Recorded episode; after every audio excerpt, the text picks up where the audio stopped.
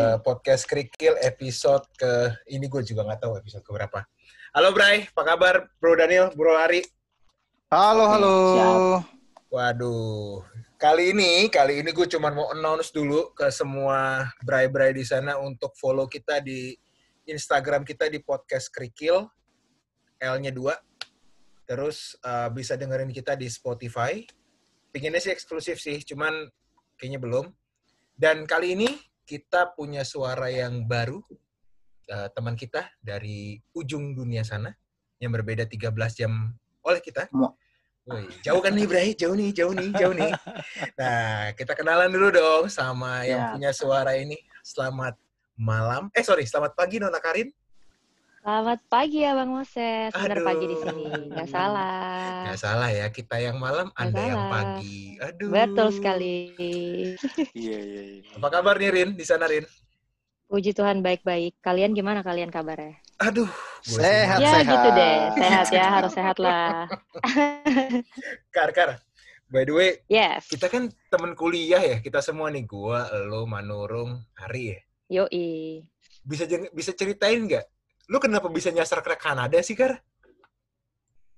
Gue juga kalau lu tanya gue nggak tahu ya. Nah, Jujur. tapi kan Oke, lu kan bentar, lu, bentar deh. Be- bentar, lu per kapan sih, Rin? Stay di Kanada, Rin? Per tanggal tahun nih, berapa sih? Kalau lo inget, inget lah ya. Kayaknya harus inget. Nggak mungkin nggak inget. Bohong kalau nggak inget. Gue kan pernah ikut youth exchange gitu kan. Tahun Ya. 2000. Oh, sih. Eh, masih kuliah kita 2007. pokoknya.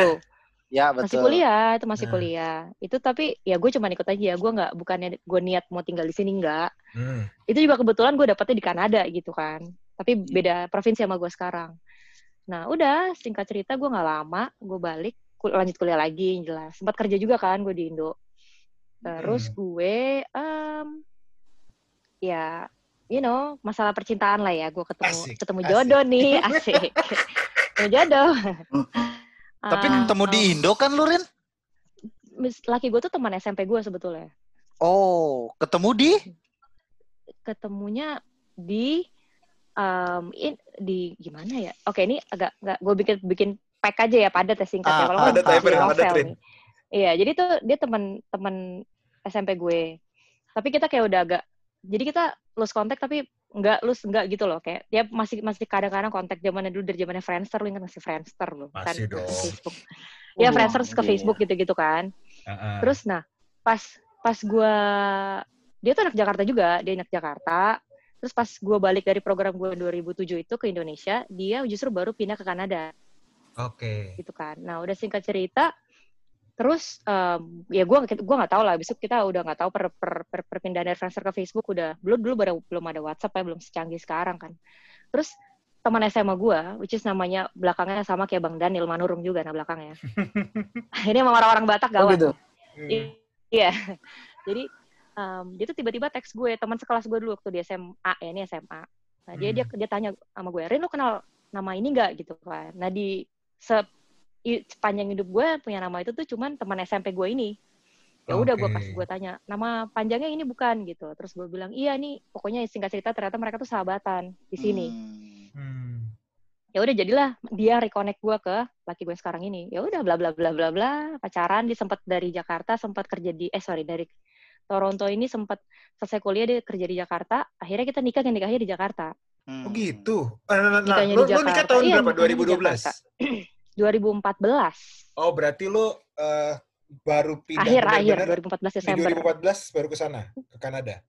Enggak, gue tuh belum langsung pindah. Jadi ya kita prepare segala macam dokumentasi dokumentasi di sini ya buat buat buat apa gue biar aman lah ya tinggal di sini, Mhm. nggak ilegal ya gue tinggal di sini. Hmm. Terus em, baru Oh. gue pindah tuh sekitar 2015 summer tuh kayak Oke. Juli kali ya. Eh lebih lah, lebih lebih. Berarti Iya. udah lima tahun dong, Rin, Gitu. Summer gue baru di sini. Kurang lebih gue udah lima tahun. Wow. Gak terasa sih. Tapi lu apa dapet di sana udah? PR? Gue udah PR, PR gue. Oke. Jadi prosesnya itu gue untuk ke PR itu sekitar satu tahun lah ya, satu, satu tahun setengah kali nggak nyampe juga. Itu juga karena kita ngerjain sendiri semua sendiri.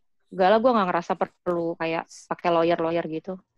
Karena yang bisa dikerjain sendiri sih kalau lo mau. Mungkin yang pakai lawyer tuh kayak yang sibuk kali ya, dan duitnya lebih juga sih yang pasti. Hmm. Tapi Ribuan dolar kalau pakai. Tapi banyak kok orang orang Indo di Kanada tuh banyak kok, tahu. Banyak banget. Saudara Iya. gue juga ada. Hmm.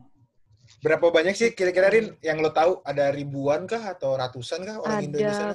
puluhan ribu ya. Serius tuh puluhan ribu. Iya, puluhan Pada ribu. Banyaknya ngapain? Bay. Eh? Banyaknya gini, Ah. Bay. Setelah Iya dong, kalau seluruh 98 Kanada benar. banyak banyak yang yang pindah ke sana. Oh, kerja. Enggak, s- Eh. eh, etnis Tionghoa tuh kan banyak sekolah di sana tuh. Betul, betul, betul. Betul. Hmm, banyak ah, udah nggak nggak pulang. Oh, Tuh, gitu. mungkin yang mereka mungkin dari tadinya tadinya gue juga gak tahu sih ya tapi yang yang legal banyak yang ilegal tadinya jadi legal juga banyak gitu mungkin mereka mutusin untuk jadi uh, kita nih nggak nggak ngomongin Indonesia tetap Indonesia ya. ada juga Indonesia yang udah berubah jadi citizen ada juga ada teman gue sendiri berubah jadi citizen ada karena Oh, mereka gitu. ngerasa ya iya ada nggak mungkin ya jujur emang ya ke- uh, kehidupan di sini tuh ada plus minusnya cuman kalau segala di, apa banyak plusnya sih apalagi kalau lo udah berkeluarga eh, kayak di sini jaminannya tuh lebih terjamin lah ya istilahnya daripada Apa aja sih, Rin, kalau boleh dari tahu, Rin? kesehatan. Yang yang dijamin Sekolah, yang sana. sekolah. Sekolah sampai mana? Nomor satu sih, nomor satu sekolah ya dari di sini kalau standarnya tuh TK bilang TK sampai SMA gratis, publik ya Serius gratis. Hmm. Iya gratis. Anjrit. Terus em, kesehatan itu fully gratis. Jadi istilahnya kalau lu perlu ke rumah sakit, lu cuma bayar parkir. Hah? Iya parkir. Gimana dokter kita gratis. pindah? Tapi kalau nah, tapi kalau lu perlu obat, obat Hah? kayak obat yang emang nggak dikasih dari dokter kayak lu misalnya ya ibarat kata kayak lu butuh butuh panadol lalu beli dari apotek lah gitu. Oke, oke. Tapi by the way, Tapi kalau dokter kalau konsultasi gratis. gila men. Gratis. Nah, Lu oke, lahiran tapi juga kalau Hah? dokter lo indikasi lo harus operasi ya, tapi harus dokter yang indikasi ya. Lu nggak lu, lu lu jangan minta gitu. Lu juga gratis operasi. Sesar gitu. Kalau lu Nih- minta nggak segampang di Indo. Hmm. cerita cerita dikit nih cerita dikit ada satu kantor gua gua itu baru engah lama ternyata dia itu pemegang paspornya Aussie dan dia itu sudah pindah dari SMA jadi SMA pindah ke Aussie. Abis itu dia nikah dia istrinya masih paspor Indonesia. Tapi semua anak-anaknya dia lahir di sono bokapnya dia juga sudah mengajukan sebagai citizen sono. Gue bilang bro ngapa nggak apaan sih apa yang mau lu kejar di Aussie? Aussie itu enak men. Pendidikannya enak ditanggung sama negara kesehatannya itu full full di cover. Terus secara salary pun jauh kata dia ya gue kebetulan ke sini karena kebetulan masih ada beberapa keluarga gue dan ada kepentingan tapi cita-cita gue kan pasti bahwa itu nanti semua keluarga gue pasti akan stay di sana nah sekarang gara-gara corona ini sebenarnya dia sudah pindahin semua keluarganya dia ke sono karena kebetulan dia masih ada utang kerjaan dia masih stay lu akan bercita-cita demikian gak sih Rin? Ah, pindahin keluarga gue ke sini kayak nyokap bokap gitu ya. Ya mungkin bokap atau Kayak atau at gitu. least lu dulu lah dengan anak-anak lo apakah sudah sudah sudah ah Indonesia ah udahlah udah udah udah udah pilihan kedua gitu Uh, gue sih so far ya sampai sekarang um, gimana ya? Gue nggak dari Indonesia ya, tapi gue udah ya nggak tahu ya karena gue gue udah jadi mungkin mungkin gue udah jadi emak juga kayak. Jadi gue mikirnya lebih ke ya anak gue sih kayak gimana ya kayak di sini tuh bener-bener ya, bener-bener bener lu berasa kayak lu berasa di sini tuh bener-bener terjamin. Anak sama perempuan itu bener-bener dijamin banget. Bilang perempuan karena mereka ya bener-bener ya ada gitu khusus bener-bener kayak ya apalagi ibu dan anak itu tuh jamin banget gitu. Kalau untuk guanya sih gue santai aja mau di mana aja lo tau gue di gunung aja gue bisa hidup gitu istilah kasarnya. um, so tapi kalau untuk in terms Iya. of build keluarga atau kayak untuk keluarga gitu jujur di sini emang lebih bagus sama kayak lo bilang di Australia. Di sini tuh mirip-mirip menurut gue Toronto itu kalau di Australia tuh mirip sama Melbourne. Mirip Hmm. sistemnya gitu-gitunya lo kayak sistem transportasi itu mirip um, kayak pendidikan itu istilah kasarnya ya gue bisa kerja kayak tadinya gue kerjakan di sini di satu salah satu perusahaan retail terus setelah gue ngitung-ngitung timbang-timbang gitu um, gue milih untuk gak kerja dulu sampai kayak at least anak gue TK lah ya gitu jadi um, soalnya di sini tuh rata-rata orang kerja sebagian gajinya tuh lari ke daycare oh gede banget dong berarti oh sekarang satu lagi ya satu lagi support dari pemerintah lo punya anak lo tanda kutip kuatan kuat lo dibayar lo dapat tunjangan Hmm. Hmm. punya anak doang ya makanya kalau lo dibilang banyak anak banyak rezeki itu bener di sini Tapi ke, bener banget kalau pajaknya gede di sana. gede pajaknya gede kan. itu dia Iyalah. pajaknya gede Kayak- Iya. Gede gede Jadi pasti. misalnya negara-negara dan yang properti rumah di sini gila banget berkali-kali lipat. Makanya orang bilang sekarang jokesnya anak-anak muda di sini ya anak-anak kayak kayak kita, umur-umur kita lah ya dibilang gini, ah lu nggak mungkin lu punya rumah gitu. Kayak istilah Iya, kasarnya. Karena hampir rumah tuh gila banget. Lu masih di di di Indo atau di Jakarta sana lu bisa dapat sanaan dikit dengan berapa ratus juta ya meskipun meskipun mungkin dua kamar atau cuman berapa kali berapa gitu lo dapat lo rumah rumah yang nginjek gitu nah di sini tuh kalau lo bener-bener kepengen punya rumah ya lo harus fokus misalnya lo nggak bisa juga jalan-jalan dulu atau lo nggak bisa mungkin pulang ke Indo dulu gitu kayak gitu gitulah Kar, Ya kar. itu trade off-nya Gitu. sebenarnya Kan. makanya Ri, iya Hmm. yes kalau lu di daerah negara yang social security-nya tuh tinggi, dia tuh udah pasti pajaknya tinggi. Pasti lu Yes. ada orang tapi balik ke kita lagi bro itu dia pajaknya balik ke kita lagi dari kesehatan Iya. dari sekolah gitu Iya, iya, iya, iya, iya. Misal nih Kar, kita mau buat usaha nih, ngirim Indomie dari Indonesia ke Kanada. Banyak yang beli nggak ya, Kar? oh udah ada bro Susah. di sini Serius tuh? Di Udah ada sini, Indomie? Serius di sini di sini eh, market res, apa kayak representatifnya tuh udah ada. Lu jangan salah, Indomie tuh ada, ada banget bukan bukan gak ada banget. Tapi bentar, rasanya sama nggak nih? Oke, jujur rasanya micinnya banyak kan di Indo. Karena mereka ke sini kan mesti masuk standar Iya, sini iya, kan. iya. Aha. Ada yang di sini nggak ada tuh di Indo, khusus market luar negeri. Lu tau pop mie Ya. kan? Tahu, tahu. Pop mie goreng ada nggak di, di sini? Di sini tuh ada pop mie bentuknya mie goreng, tapi Ada mie-nya nih. mie asli Indomie, tapi di cup, bukan mie pop mie yang gepeng. Kayaknya nggak ada deh. Nggak ada deh. Jadi kayak kayak Indomie. Emang nggak ada. Jadi kayak Indomie lo masukin ke cup, bukan pop mie. Bentuknya sih pop mie, tapi dalamnya tuh mie-nya mie Indomie. Eh, ya itulah mie. Salah satu Ya, brand karena terkenal itu. kejauhan kali Kan emang kalau ada. pesawat paling jauh ke Kanada. Ya lurus lagi ya, lurus nggak jadi gepeng, lurus lagi. Emang ada Iya. beberapa produk yang men. Keluarnya tuh kayak gitu kayak misalnya rasa soto di sini jadi jadi chicken vegetable soup gitu-gitulah. chicken vegetable soup itu artinya Soup, iya. soto. Iya, kalau kita ini rasa soto ayam kan. Kalau mereka jadi Hmm. kayak rasa sup ayam namanya. Kar, kar. Tadi banyak kan banyak juga yang minat makan Indonesia di sini. Cuman Oh, ada beberapa restoran yang menyesuaikan sama kayak taste-nya orang bule. Jadi misalnya kayak sate. Jadi kayak lu tahu kayak kebab gitu kan. tahu, tahu. Hmm. Nah, di sini tuh mereka isinya tuh itu jadi kulitnya kulit kebab, kulit Ah. tortilla itu. Isinya tuh kayak em, apa? lettuce itu, terus Heeh. sate, sate ayam dica- dicabut dari dari dari tusukannya. Terus em, nasi dikit, Heeh. Oh, pakai acar disiram bumbu sate. Nah itu kayak gitu. Oh banyak God. yang mau bule-bule tuh banyak yang pesen. Gila ya, sekreatif itu ya. Dan banyak yang pesen.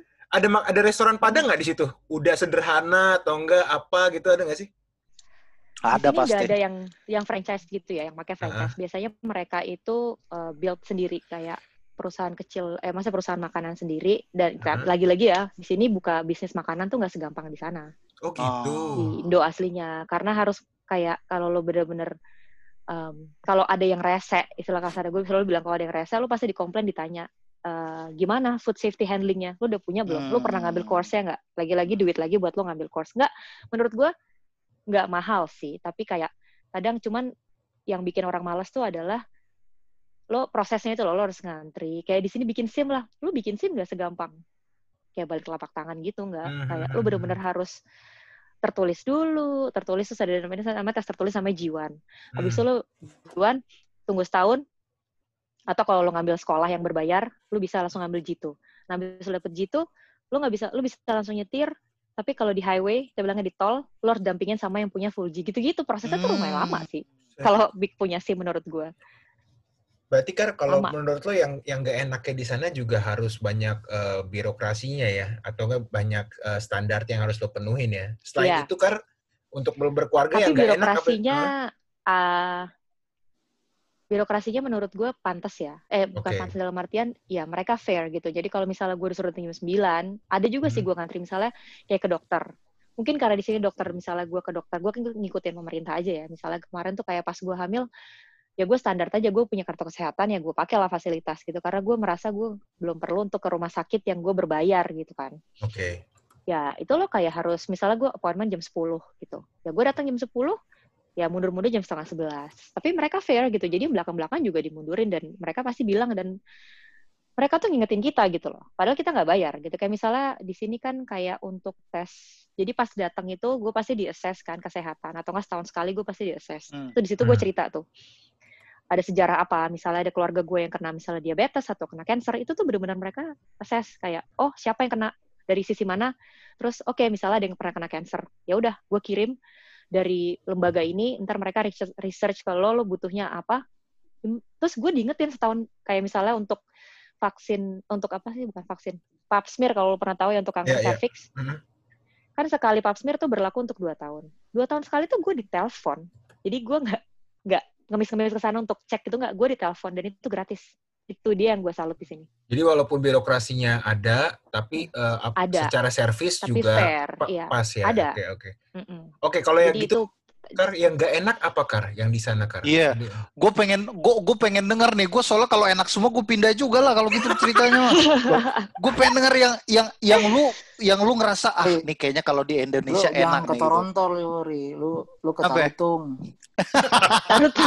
Kalau gitu lo kembali Itu juga salah satu salah satu pikiran juga itu tarutung itu keren loh.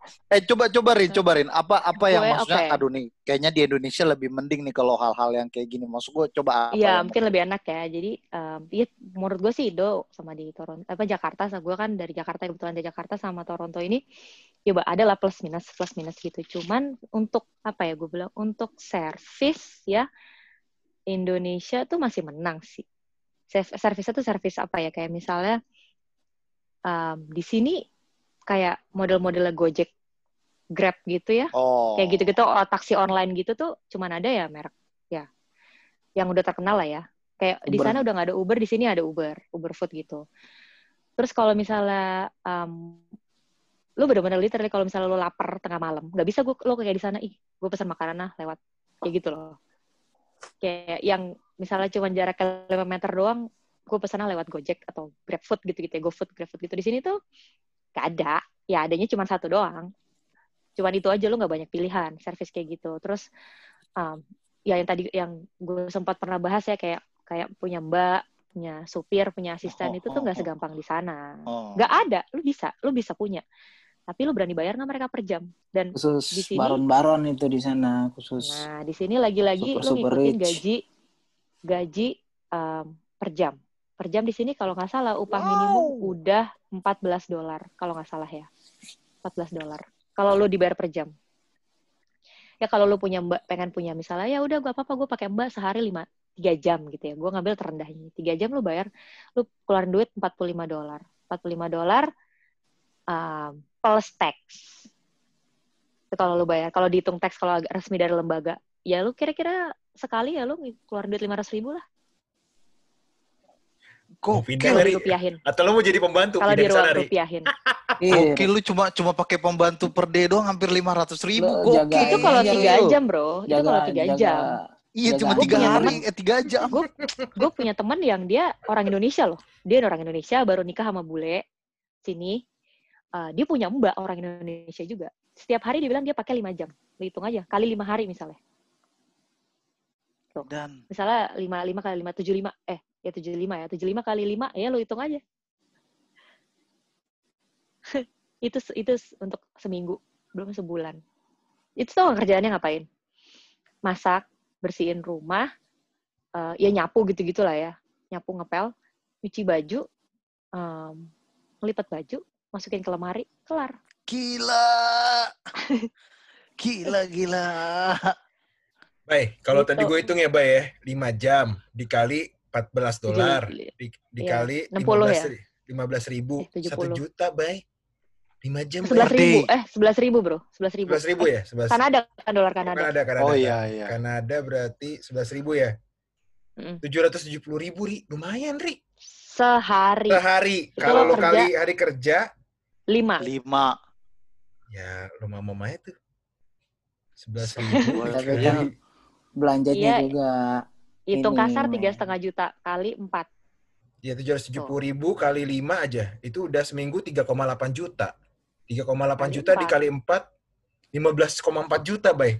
Seharga senior manager, Bay. Eh, se- Iya, supervisor lah, kan- supervisor lah.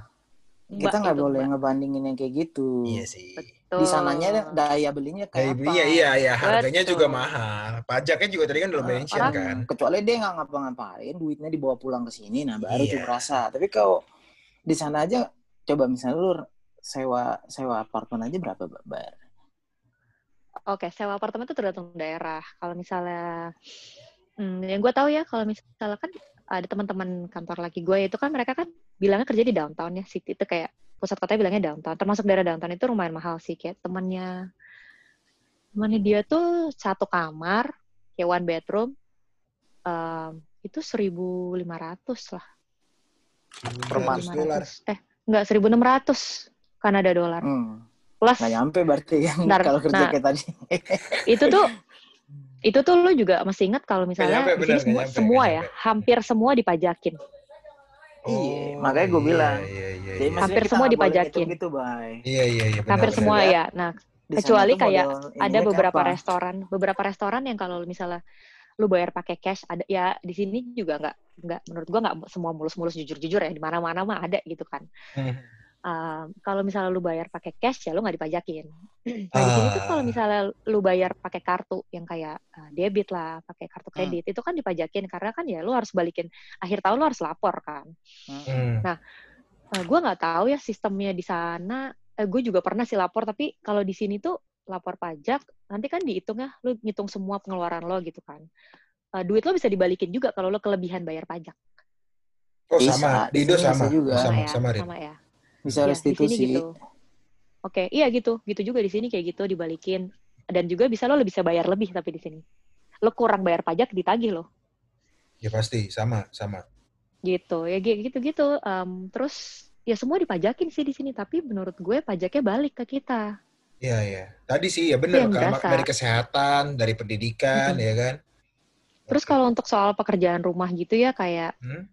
banyak lah kayak lo di sini tuh lo sebetulnya lebih memudahkan ya kayak di sini lo tau sendiri lah ya negaranya cuma dapat samar berapa bulan sih dapat matahari gitu makanya orang-orang tuh selalu cuci baju terus langsung masukin dryer hampir jarang dijemur.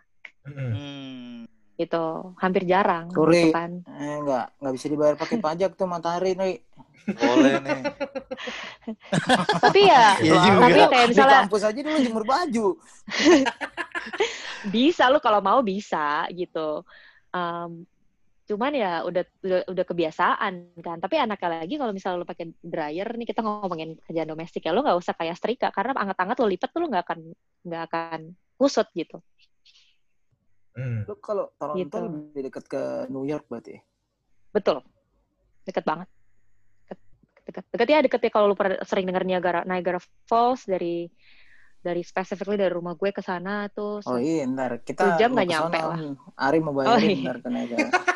Lu mau berenang di situ ya Boleh lah. Iya, Dia mau ini kayak David Copperfield. Bukan. ke dalam gitu. Kita mau kita mau berendam di kolam cinta tapi di Toronto sana ya di Niagara Falls lah itu. lah. eh Ngeri ngeri. nyemplung lo ke bawah ke sana Kar kar. Tapi Tapi lu sama dari sisi Hmm. hiburan Apa? gitu ya menurut gua di sini tuh gua nggak tahu ya. Ya mungkin gua nggak tahu juga karena gua kan dari kecil emang gua lahir gede di Jakarta ya. Meskipun Ya. gue juga bukan yang kayak gaul-gaul gimana gitu, tapi kan di tahu sendiri lah, Jakarta kan kayak tiap hari gerak aja gitu kan. Dan dari secara kehidupan kayak kehidupan malam, kayak hiburan-hiburan kayak gitu tuh menurut gua lebih banyak banget di Jakarta daripada di sini. Di sini tuh Masa sih kar? lu kalau mau ke Kanada, enggak, lu kalau mau ke bar Iya. ya lu mau kalau mau ke bar ya Hah? ya ke, misalnya ke bar ya yang lo tahu aja sama teman lo ya itu itu aja Oh. Ya, emang di sini Iya, tuh enggak gede emang, tapi Jakarta penduduknya- tuh metro metro. iya Iya, penduduknya iya. tuh penduduknya nggak sebanyak Jakarta of course bener lah nggak sebanyak Jakarta makanya macet juga. Ada juga loh macet jangan salah tapi macetnya sini tuh lu udah alhamdulillah puji Tuhan lah di Jakarta. Gue sampai pertama pertama ke sini ya kan lagi gue bilang gila ini nih macet macet. Terus gue gini kayak lo bercanda bilang ini macet gitu kan kayak gue malah ketawa sendiri gitu lo kayak lu lu serius lo lu udah dua lu dua tahun balik ke Jakarta lu bilang ini macet terus dia bilang enggak tapi itu di sini orang-orang tuh bilang emang macet tapi emang belum kalau lo tinggal di sini tahu. bener gitu Belum tahu lo tahu Bekasi macetnya kayak gimana ya kan? Bekasi, Hmm. Ciledug, Tuh. terus lo ngomongin Bekasi Sudirman. kenapa, Elon Musk mau ke Mars karena ngeliat Bekasi dia. Iya. gila itu emang gila ya kayak gitu-gitu Gila tuh gila Terus, sih. Oh sama kayak mall lu bisa nongkrong sampai jam 2 pagi main di mall di sana di sini mana bisa Hmm. Oh gitu. Di sini saklek ya lo kerja misalnya 8 jam 8 jam, tergantung ya mall tutup mall jam 7 udah tutup. Kar, Kar. Ini gue gua mungkin nanyanya agak-agak serius dikit nih, Kar. Ada Iya. nggak sih, Kar, ke- kesempatan untuk ke sana, Kar? Misalnya kerja kah? Atau gue pingin, yang tadi yang lo bilang, ah udahlah gue udah bosen banget nih sama Indo nih. Gue pingin mencoba berkarir di Kanada. Itu bisa nggak sih, Kar? Ada, gue selalu bilang ada. Gue ada temen kok yang kebetulan dia kerja di Nestle, Heeh. eh, dia dikirim juga ke sini. Ada itu itu lewat jalur kantor ada. Heeh. Eh, gua dan gue juga ada temen yang mere- mereka memilih pindah ke sini bukan dari jalur kerjaan sih. Jalurnya jalur apa? dari Pendidikan? jalur apa ya? Eh, pendidikan itu menurut gue jalur ter gue nggak bilang tergampang ya, tapi ter ya oke lah ter termasuk akal menurut gue. Kayak lo mau Oke. ngambil S3 atau S2 itu lo di sini dulu kan lo pasti soalnya kalau lo ngambil eh, jalur pendidikan lo sambil sekolah lo juga dapat eh, work permit kan. Nah, work permitnya meskipun nggak full kayak orang kerja yang udah PR atau citizen sini, tapi lo bisa kerja sambil lo ngeliat-liat potensinya kayak gimana sih lo eh, kalau hidup di sini tuh gimana Hmm. gitu. Kayak contoh aja sih kayak misalnya dulu tuh laki gue laki gue pindah ke sini kan sama keluarganya ya, lengkap semua sama bokap nyokapnya. Hmm.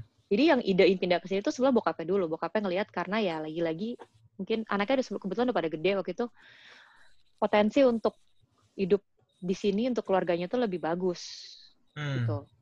Itu potensinya. Dan itu juga dia gak cuma asal milih doang gitu karena dulu bokapnya pernah tinggal di Amerika, pernah Hmm. sekolah di Amerika. Terus kebetulan waktu itu pas di Jakarta tuh ada kayak suka ada pameran kan ya, Iya, iya. pameran-pameran yang dari studi lah atau live live in mana live in mana gitu kan. Dulu nggak sesulit sekarang. Dulu orang dengan gampangnya kayak nawarin lu mau nggak tinggal di Kanada atau lu mau nggak tinggal di Australia gitu kan. Hmm. Ada. Nah ya udah akhirnya dicobain sama bokapnya itu. Dan mereka sampai sekarang tuh udah udah kurang lebih 13 tahun kali ya di Wow. sini. Gila ya. Sekeluarga Udah. lengkap. Sudah citizen dong?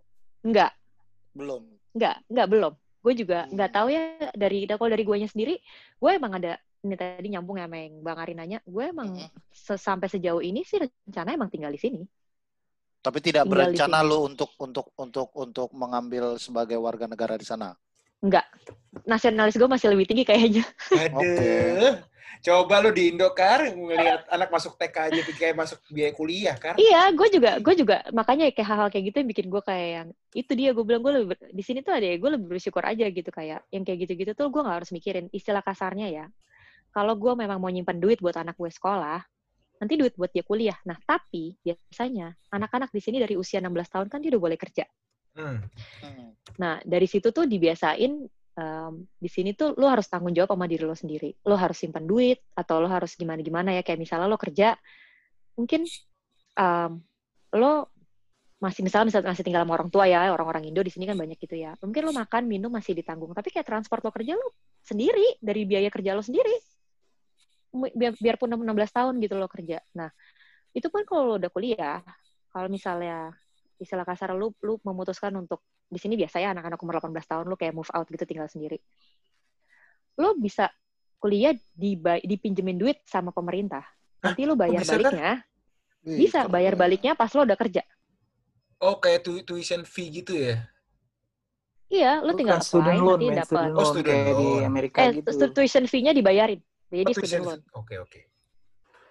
jadi gitu jadi ya dibalikin lagi nanti pas udah lo udah kerja atau juga ada misalnya pokoknya di sini tuh makanya gue bilang dari sisi kayak gitu-gitu tuh sangat diperhatiin kayak misalnya oke lo udah kerja tapi penghasilan lo di bawah standar misalnya di bawah dua puluh ribu dolar per tahun misalnya gue juga asal aja gue ambil nih itu lo bisa dibebasin lo dari biaya kuliah peraturan Hmm. barunya kayak gitu Oke. Gitu. Kanada, Kanada sejahtera gitu. Eh tapi Rin, yang corona sekarang kayak gimana sih Rin? Berimpact banget nggak sih sama sama Ini sama soal hidupnya COVID. kalian di sana?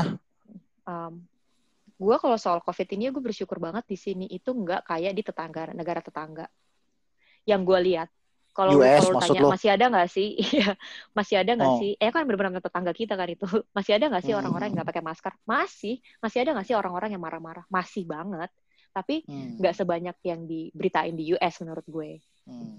Um, kita cukup patuh sih kayak soal social distance, pakai masker. Gitu tuh cukup patuh tuh pakai face shield gitu-gitu tuh bener-bener cukup patuh. Ada yang orang sembarangan? Ya ada gitu. gue juga nggak bilang si ras ini sembarangan ras itu enggak enggak enggak oh, dari bule sampai Asia ada kok yang nggak mau pakai ada juga tapi kan memang Kanada memang terkenal pelajari. sama kepatuhan ya kan memang kan iya itu dia soalnya Iya nah kan? soalnya apa pemerintahnya juga yang nyontohin iya tuh Berarti lu nggak ada yang misalnya kalau di Indo kan sekarang paling lagi jadi obrolan masalah pendidikan nih, ya kan anak-anak yang tidak pernah terbiasa sekolah online, yang tidak ter- terbiasa pegang handphone, jadinya dipaksakan untuk kayak gitu. Terus Menurut Yang- gue kalau di sini tuh lebih kita mikirnya nih kayak misalnya jadi kan apa-apa di sini eh, lu telepon lu pasti ditelepon ya soal sekolah. Kayak siapa misalnya yang buka misalnya bukan orang tua lo, guardiannya ditelepon gitu. Eh ditelepon di sekolah gini-gini, misalnya lu bolos juga lu ditelepon main ke rumah. Ya, di jam segini anak yang bernama ini nggak masuk kelas gitu. Nah, kalau untuk kayak sistem pendidikan yang em, apa harus online atau enggak, itu juga kita ditelepon. Nanti misalnya September mulai masuk sekolah. Kita ada dua pilihan katanya. Eh, lu mau lanjut anak lo kirim anak lo ke sekolah dengan syarat begini-begini, tentunya nggak full bla bla bla bla, atau mau tetap full di rumah online, ada juga sistemnya full learning. Kita dikasih pilihan. Soalnya ya gimana ya, soalnya kan biar gimana-gimana juga sekolah tuh kan kita ngumpul sama orang lain kan. Terus apalagi kalau lo misalnya masih tinggal sama yang usianya rentan sama COVID. Kayak gitu. Ya, Jadi ya, pasti ya. kepikiran juga gitu. Gitu. Ada pilihan ya di sini ya ada juga lah kayak ada juga anak. Tapi mungkin mungkin menurut gua di sini nggak banyak protes karena ya lagi-lagi sekolahnya gratis. Jadi kalau misalnya lo nggak mau masuk, kalau lo nggak mau masuk ya udah lo nggak mau masuk lo nggak rugi apa-apa. Kan gitu istilah kasarnya. ya kalau Paling lo kan gara-gara gara-gara anak-anaknya sudah di rumah, yang ngajarin juga emaknya, ya kan Iya, mau nggak mau kan emaknya iya. udah gitu dia tetap bayar itu yang jadi komplainnya. Kalau Itu mah memang. Jadi udah pusing. negara ya tenang aja lu jangan usah bayar bacot lah negara yang bayar kan. Eh, jangan Tapi lupa, lu bisa milih Bukan juga. negara tapi yang bawa. Kenapa? Enggak, lu yang bayar. Lu yang Iya. bayar. Masyarakat itu yang bayar. Betul dari pajak Eh, ya. Di sini tuh pajak itu ya, kata-kata pajak, kata-kata tax itu em, itu sangat kata-kata kunci. Jadi kalau misalnya, nih gue kasih contoh aja ya, misalnya ada yang macam-macamin lo, eh lo tuh nggak boleh gini, nggak boleh gini, nggak boleh gini. Cukup aja lo bilang, I'm a taxpayer, mereka pasti diem. Kayak gue bayar pajak, lo nggak boleh ngatur-ngatur gue. Maksud gue ini dalam ranah yang masih wajar ya tentunya ya. bukan yang kayak misalnya tiba-tiba lo kayak menghina polisi gitu-gitu ya itu sih lain gitu atau misalnya lo bikin bikin bikin gaduh gila gitu lain tapi kalau misalnya lo ngerasa gue udah bayar pajak kok em, kenapa lo ngatur-ngatur hidup gue yang harusnya lo nggak atur-atur? Gitu. Itu mereka nggak bisa bilang apa-apa karena emang lo bayar pajak. Sekecil apa pun lo bayar pajak. Di sini. Dan pajaknya balikan ke lo. Gitu. Pajak sini menurut gue berasa banget. Berasa tapi juga baliknya Berasa. Lu Berasa ditariknya berasa, dapatnya juga berasa kan. Ya lu kalau beli barang juga ri kalau beli mobil juga lu gila juga sih berasanya gila-gilaan lu misalnya beli oh mobil ya misalnya ada gue gue beli mobil sepuluh ribu dolar gitu lu hitung aja pajaknya 13 persen Tapi masih tetap lebih murah lah Rin beli beli beli mobil di sono dibandingkan di sini kan. Maksudnya mobil tapi luar ya, mobil. asuransinya mahal mobil. bro Oh, lu iya. harus punya asuransi Ya, asuransi ya, lo harus ya. punya dan Ya, ya. semakin lo muda untuk muda pas usia nyetir maksudnya kayak bukan umur lo ya semakin lo pengalamannya masih sedikit semakin asuransi mahal semakin juga lo Oh. usia tua semakin asuransinya mahal Pastilah itu kan Murah. berbanding lurus. Enggak lah, kalau mahal tua mahal kalau lari. tua mahal Resikonya kan Kalau gede. muda lu ke sana bawa bajai. ya kalau muda pengalaman lo juga kan pengalaman lo juga belum ada Oh, oke oke. oke. teman Ya, gue ada yang jadi pas-pas jadi lah ya. pengemudi truk teman gue ada yang milih untuk karirnya jadi supir truk Terus Ada. dia survive, Krin. Mahal lah, sejauh ini dia ngaco. survive kok karena gajinya juga nggak nggak 14 dolar ses lebih gede lagi Gede. kalau Gede. kayak servis servis gitu ya supir truk jangan jangan apa jangan kan supir truk tukang sampah yang tukang ngangkut-ngangkut sampah itu gajinya bisa tiga kali empat kalinya yang normal Buset. Karena pelayanan Iya. ya hitungannya ya. karena pelayanan betul Iya. sekali Oke, Gitu. Kar.